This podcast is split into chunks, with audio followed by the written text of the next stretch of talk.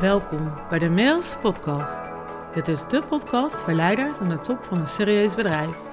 Voor jou, als je gelukkiger wilt zijn met je werk-privé-balans, meer zelfliefde en vrijheid wil ervaren en tegelijkertijd ook succesvol wilt blijven. Mind Leadership is de gouden combinatie van cognitieve neurowetenschap en liefdevolle samenwerking met je ziel, welke huist in je hart. Wetenschappelijk onderbouwd en met liefde gebracht voor een succesvol en vervullend leven. Ik ben Marielle, Mind Expert voor leiders.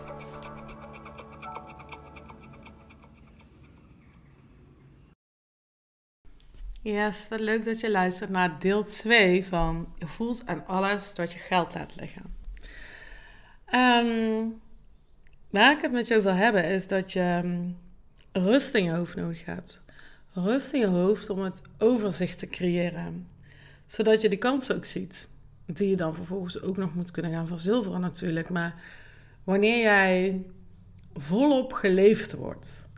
Um, oftewel door je agenda, door je team, door je nou, familie, vrienden, gezin. Whatever het ook voor jou is. Hè. En je hebt het idee dat je zelf weinig controle hebt. En dan vlieg je door de weken heen. Je vliegt door de vergaderingen heen. En je bent weinig volledig bewust in het moment. En ik denk dat het heel erg kenmerkend is, specifiek voor ondernemers of ehm, ja, leiders die heel veel verantwoordelijkheid voelen, heel veel kansen zien. En met ondernemen hoort dat er ook een beetje bij, hè? dat je een constante molen in je hoofd aan ideeën en mogelijkheden en, creatieve brainwaves hebt. Ehm, en dat is ook goed, want het maakt jou ook een succesvol ondernemer. Het maakt jou ook uniek. Het maakt dat je goed bent in wat je doet. En soms is het heel helpend om die gedachten een beetje tot rust te manen, zodat je kunt focussen op waar je nu je aandacht aan wil geven. In plaats van het elke keer korte flarden zijn eigenlijk die voorbij komen waar je niks mee kan. Wat vervolgens ook weer onrust creëert, omdat je wel een idee hebt waar je niks mee kan doen. Rust in je hoofd, ja, het, het klinkt heel fantastisch. En misschien ervaar je het ook wel eens, zo nu en dan. Misschien ben je er wel goed in om het op vakantie los te laten. Misschien ben je dan nog steeds druk. Uh, wat ik over het algemeen zie is een tendens dat als je net, net voor de vakantie hebt een enorme piek.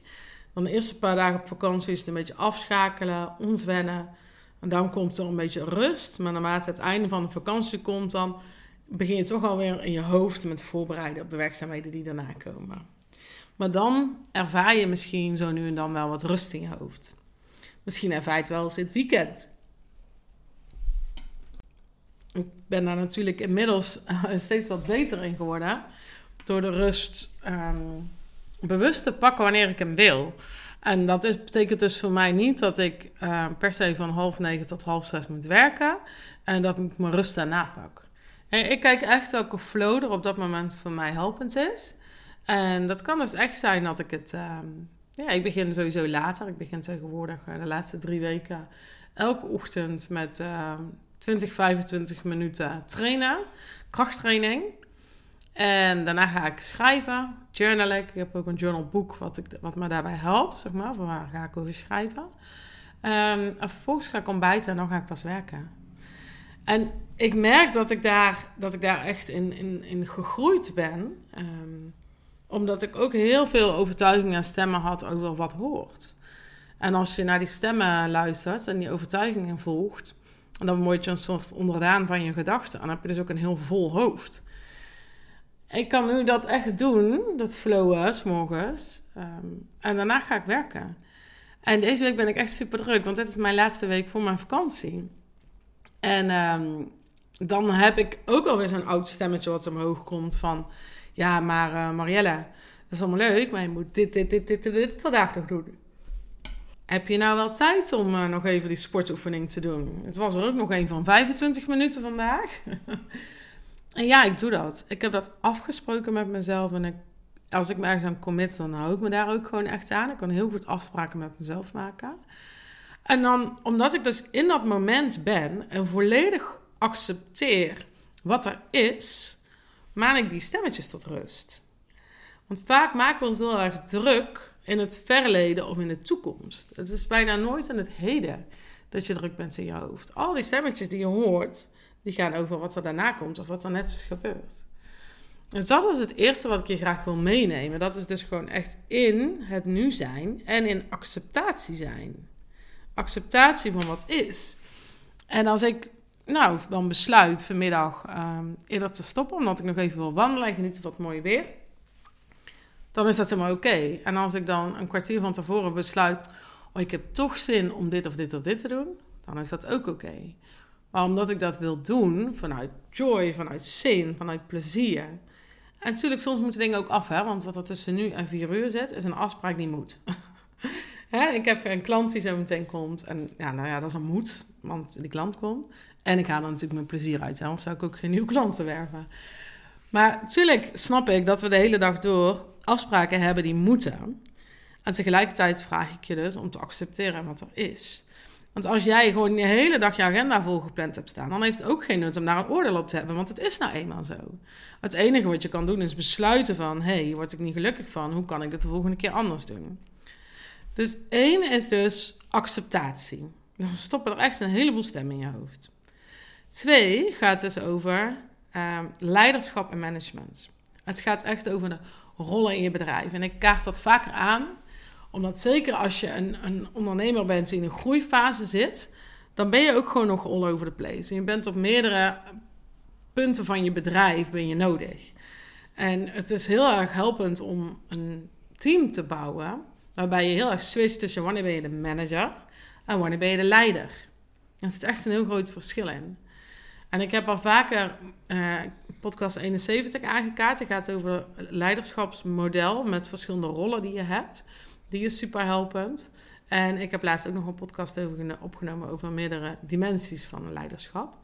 Maar het helpt, het is echt heel erg helpend om te kijken welke visie heb ik op mezelf. Ben ik hier de brandjesblusser, de alleskunner, de allesweter, de vraagbaak, Wikipedia, afvoerputje? Wat ben jij aan het doen in je bedrijf?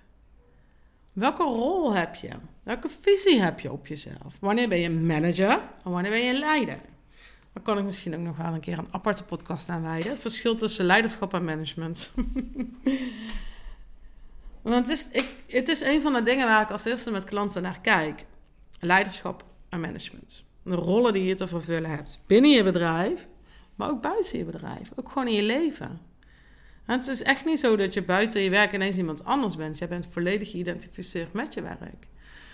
Dus het is heerlijk als je daar gewoon dezelfde persoon in kan zijn door te kijken naar alle rollen die je in je leven te vervullen hebt.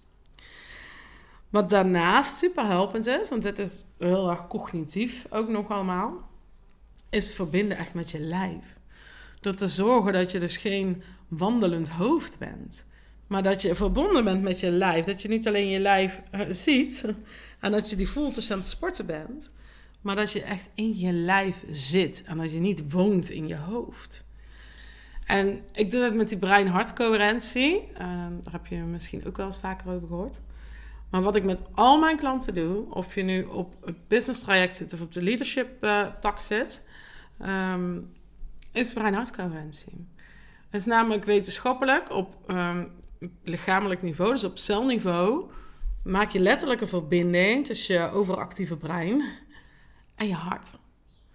En wat er dan gebeurt, is dat je brein en je hart in een efficiënt, energie-efficiënt patroon komen. Dus wanneer je heel druk bent, werken zelfs je linker en je rechter niet synchroon samen. Dus het is als een soort orkest zonder dirigent, wat maar wat doet. Terwijl als je daar ritme en orde aan toebrengt, dan kun je je voorstellen dat als dat op een gelijk niveau ehm, werkt, dat dat veel energie-efficiënter is. Dus dat is wat ik je graag wil meegeven over breincoherentie. Over hartcoherentie, dat gaat over de frequentie tussen je hartslagen in, om die op hetzelfde niveau te krijgen. Dus dat die hetzelfde ritme gaan vertonen. Dan opereert je hart ook op zijn efficiëntst mogelijk. Je komt echt in een efficiënte staat van zijn. Je hoofd en je hart communiceren middels je zenuwstelsel, middels je nervus vagus, als een soort spiedaal die ze hebben samen, met elkaar. Dus daar gaat informatie over en weer tussen je brein en je hart. En vervolgens heeft die zenuw ook nog een aftakking naar je buik en naar je keel. Dat is waardoor je soms, als je zenuwachtig bent, ook daadwerkelijk een brok in je keel kan voelen of zenuwen in je buik kan hebben. Dat gaat allemaal over die emotionele snelweg. het moment dat jij heel erg in je hoofd zit, woon je dus ook echt heel erg in je hoofd. En dan is het in je hoofd een chaos. Wat heel veel energie kost. dat is allemaal gedachten die leiderschap over jou hebben. In plaats van dat jij leiderschap over jouw brein hebt. Want op het moment dat je bewust bent van je gedachten, weet je dus ook dat je meer bent dan je gedachten. Je bent je bewust te zijn. Je kunt dus dan die verbinding echt gaan leggen van je hoofd naar je hart, naar je lijf. En dat doe ik door middel van brein-hartcoherentie. Dat is een, ehm, een methodiek. Uh, die komt vanuit het HeartMath Institute in California. Een bewezen methodiek. En als je daar meer over wilt weten, dan uh, kun je het beste even mijn e-book downloaden. Het is een gratis e-book op mijn site. Daar staat deze hele methodiek in uitgelegd, maar ook om, in twee pagina's precies wat de tool is. En um, ik spreek daar een audio bij in en ik um, um, heb hem ook uitgeschreven, zodat je hem rustig kan doorlezen. Uh, wat ik belangrijk vind om hier aan toe te voegen, is dat dit geen trucje is. Het is een tool, maar wel een tool mm, in een way of life, zeg maar. Een way of life waarbij jij met regelmaat incheckt bij jezelf, bij je lijf. En dus niet alleen maar in dat hoofd woont.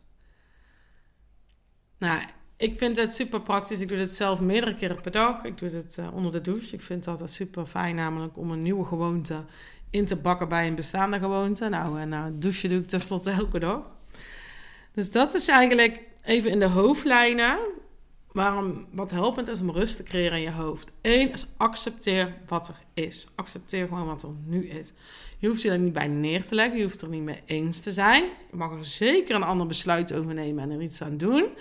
Maar begint wel bij acceptatie. Soms is het gewoon wat het is. Stop je stemmen in je hoofd. Het tweede gaat dus over leiderschap en management. Welke rol vul jij, vervul jij in je bedrijf naast het vak dat wat je uitoefent? En drie gaat dus over dat verbinden met je lijf. En ik kan daar dus heel veel over vertellen. Ik heb er laatst een hele masterclass over opgenomen, die echt over dit onderdeel nog gaat. Um, ik ga die uh, na mijn zomervakantie nog een keer geven, de masterclass. Dus mocht je daarin geïnteresseerd zijn, uh, ja, stuur ons vast even een mailtje naar info.marielle Dan, uh, dan, sturen we je de uitnodiging toe voor de klas zodra die beschikbaar komt. Want het gaat echt over bewustzijn verruimen. Verbinden met jezelf en het hier en nu. En dan creëer je die rust in je hoofd, waardoor je ook overzicht krijgt. Waardoor de ideeën die komen ook echt kunnen landen in je lijf. En je daar vervolgens vanuit management en leiderschap vervolg aan kan geven. Zodat die creatieve brainwaves die je hebt ook daadwerkelijk verzilverd worden. Dat er daadwerkelijk iets mee gebeurt. En dan groei jij in je rol. En dan groeit je bedrijf. En dan groeit je efficiëntie en effectiviteit. En komt het geld naar je toe wat je anders laat liggen. En dan kun je die ideeën eindelijk echt ruimte gaan geven. Dat geeft nog meer innerlijke rust. Dat je weet dat je aandacht aan het juiste besteedt. Dat je het juiste bezig bent met je bedrijf. En dat de ideeën die je hebt, dat daar ook daadwerkelijk iets mee gebeurt. En dan kom je in een opwaartse spiraal. Want het geeft heel veel rust en vertrouwen als jij weet dat je slim bezig bent. En dat je dat geld dus ook echt kan verzilveren. Nou, ik hoop dat deze aflevering ook heel erg interessant was voor je snap dat dit even de, de, de hoofdlijnen zijn en dat overal weer diepte in mogelijk is. Maar ik vind het altijd belangrijk om ook gewoon even op MetaView aan te geven wat ik voor je zie. Nou, ik hoop dat dit uh, inspirerend voor je was. Wil je hier meer over weten? Nou, let me know. Wil je hier mijn uh, persoonlijke begeleiding bij? Uh, ja, reik naar me uit. Je kunt een call inplannen op de website. Je kan een mailtje direct naar ons sturen. Je kan me bereiken via LinkedIn, via Insta. Wat net voor jou het gemakkelijkste is. En dan kijken we waar dat jij geld laat liggen. Wat jij denkt dat jouw grootste valkuil is. En of we, wat ik zojuist heb besproken, makkelijk toepasbaar kunnen maken voor jou. Zodat je er ook daadwerkelijk in je bedrijf en in je business wat mee kan.